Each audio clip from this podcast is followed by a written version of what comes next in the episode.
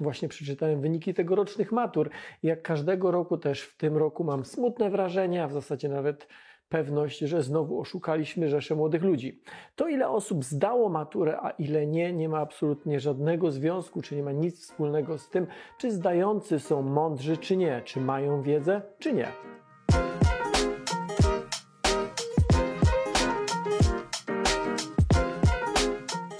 Wyobraźmy sobie egzamin na przykład, nie wiem, z matematyki, który zdaje powiedzmy 30% zdających. Co z tej informacji wynika? Co ta informacja oznacza w praktyce? Jak dla mnie nie oznacza absolutnie nic. Ona mi nic nie mówi, bo ważne jest to, jaki był poziom pytań. Ważne jest to, gdzie jest ustawiona poprzeczka pomiędzy zdał, nie zdał. Ważne jest to, jaki był wynik tego egzaminu rok temu, dwa lata temu czy dziesięć lat temu. Sama informacja o tym, ile osób zdało, nie mówi nic, absolutnie nic o poziomie zdających. Spójrzmy na tegoroczne matury. Ministerstwo Edukacji, a w zasadzie minister edukacji powiedział, że jest się z czego cieszyć, bo maturę w tym roku zdało prawie 80% zdających. To więcej niż w roku poprzednim. Tyle tylko, że prawie 80% nic nie mówi o poziomie maturzystów. Nic, absolutnie nic. Choć brzmi oczywiście dumnie. 80% zdanych. No tyle tylko, że tak jak na zwykłym sprawdzianie czy na teście po to, żeby zdać, trzeba mieć powyżej 50% punktów, a często powyżej 60% punktów, tak na maturze zdany oznacza więcej niż 30% punktów. Ta poprzeczka maturalna jest postawiona dużo, dużo niżej.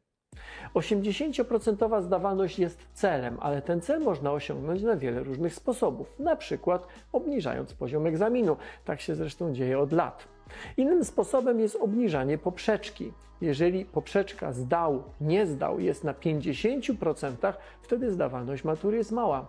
Jeżeli obniżymy poprzeczkę do 30%, wtedy zdawalność szybuje w górę. A my się cieszymy. My rodzice, my nauczyciele, my uczelnie wyższe, w końcu my ministerstwo. Tyle tylko, że to wszystko nie ma przełożenia na faktyczną wiedzę o poziomie merytorycznym maturzystów. Jest jeszcze jeden sposób na to, żeby zdawalność podnosić. Po prostu lepiej zaprojektować szkołę. No ale to już jest znacznie trudniejsze niż zabawa w statystykę. Gdy zaczniemy wyniki matur zaglądać nieco głębiej, można się przerazić, bo na przykład średni wynik rozszerzonej matury z matematyki to zaledwie 33% punktów, które można było uzyskać. Średni wynik z rozszerzonej historii to 38%, a biologii 43%. Gdyby z procentów przejść na oceny, oznaczałoby to, że średnia ocena z rozszerzonej matury z matematyki w skali kraju to ocena niedostateczna, bo dopuszczający zaczyna się dopiero od 35% zdobytych punktów w górę. Średnia ocena z rozszerzonej historii w skali kraju to ocena niedostateczna. Średnia ocena z rozszerzonej biologii to ocena dopuszczająca. To wszystko znaczy, że albo maturzyści są źle przygotowani, albo matury są za trudne, bo jest coś grubo nie tak w systemie, w którym grupie zainteresowanych jakimś przedmiotem, a przecież wersje rozszerzone biorą osoby zainteresowane, zdający średnio zdobywa 33% punktów. Tymczasem rozszerzenia wybiera się po to, by iść na studia w tych kierunkach. Coś jest tutaj grubo nie tak, coś tutaj grubo nie gra. I nie tylko w tym roku uczelnie wiedzą, mm, że po to, żeby móc pierwszy rok z nowymi studentami w ogóle zacząć, najpierw muszą organizować kursy dopuszczające, czy kursy dokształcające, kursy wyrównujące.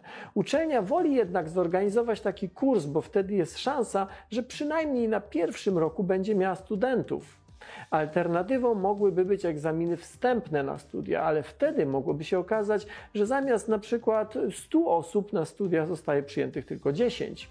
Ucierpiałyby etaty dydaktyczne na uczelniach i drastycznie zmniejszyłyby się dotacje z ministerstwa, które są uzależnione od liczby studentów.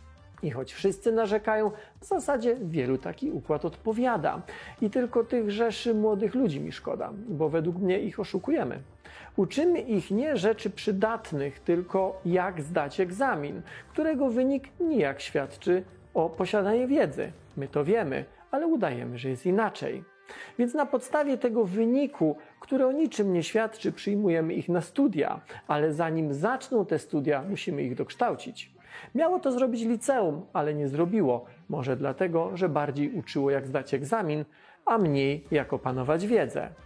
Ale gdyby liceum albo szkoła podstawowa, bo w jakiejś części to, o czym teraz mówię, dotyczy także egzaminu ósmoklasisty, m, uczyło rzeczy przydatnych, gdyby uczyło, jak rzeczy zrozumieć, procenty na maturze by były jeszcze mniejsze.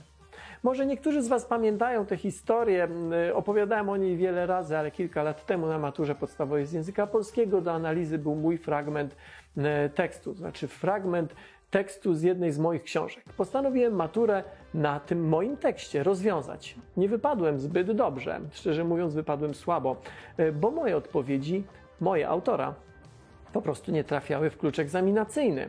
Gdybym zdawał prawdziwą maturę, to z takim wynikiem, jak wtedy uzyskałem, nie dostałbym się na dobrą uczelnię. Kilka miesięcy temu byłem w Stanach Zjednoczonych na Uniwersytecie Yale e, i rozmawiałem tam z grupą polskich studentów. Pytałem ich o wiele różnych rzeczy, zresztą we wrześniu, myślę, że we wrześniu ten materiał wyemituję na kanale Nauka to Lubię. E, Pytałem ich, jak się tam dostali e, czy, i czy to dobre oceny, dobre stopnie były tym, co zadecydowało. Otóż nie, tam na oceny nikt nie patrzył. Za to rozmawiano, sprawdzano, co ci młodzi ludzie osiągnęli, co zrobili poza szkołą, jak w praktyce korzystają z wiedzy, którą mają, czym się interesują i jak rozwijają swoje pasje. Jeden z tych młodych ludzi powiedział mi nawet, że z angielskiego w liceum ledwo zdawał do kolejnej klasy, mówiąc płynnie po angielsku. Jak to możliwe? Ano tak, że szkoda mu było czasu na robienie zadań domowych, więc dostawał jedynki za ich brak. Na Uniwersytecie Yale jednym z najlepszych uniwersytetów na świecie, widać brak zadań domowych, nikogo nie obchodzi. Obchodzi za to to, że ten chłopak świetnie mówi po angielsku. Nauka to lubię nie tylko na Facebooku, YouTubie. Zaglądajcie na stronę naukatolubię.pl.